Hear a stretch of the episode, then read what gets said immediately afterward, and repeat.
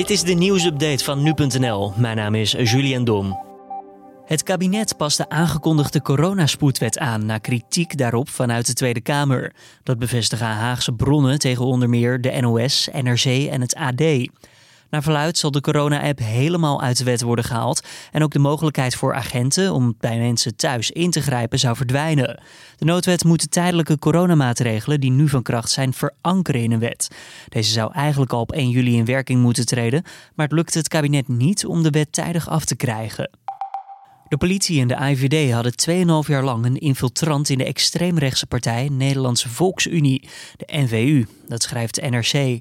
De krant sprak met Richard Prijn, een naaste oud-medewerker van Constant Kusters, de leider van de partij. Prijn benaderde NRC eerder dit jaar, naar eigen zeggen om zijn naam te zuiveren. Door informatie door te spelen zou hij hebben geholpen bij het beschermen van de openbare orde. Duizenden demonstranten in de Servische hoofdstad Belgrado hebben in de nacht van dinsdag op woensdag het parlementsgebouw bestormd. Daarbij is gegooid met stenen, flessen en eieren. De betogers zijn boos omdat de stad een nieuwe lockdown heeft afgekondigd voor komend weekend. Dat vanwege een stijging van het aantal coronabesmettingen. Volgens tegenstanders van de lockdown is de stijging de schuld van de regering. Ze eisen dan ook het aftreden van de Servische president Alexander Vucic. Onderzoekers hebben menselijke resten gevonden van een van de 43 Mexicaanse studenten die in 2014 verdwenen.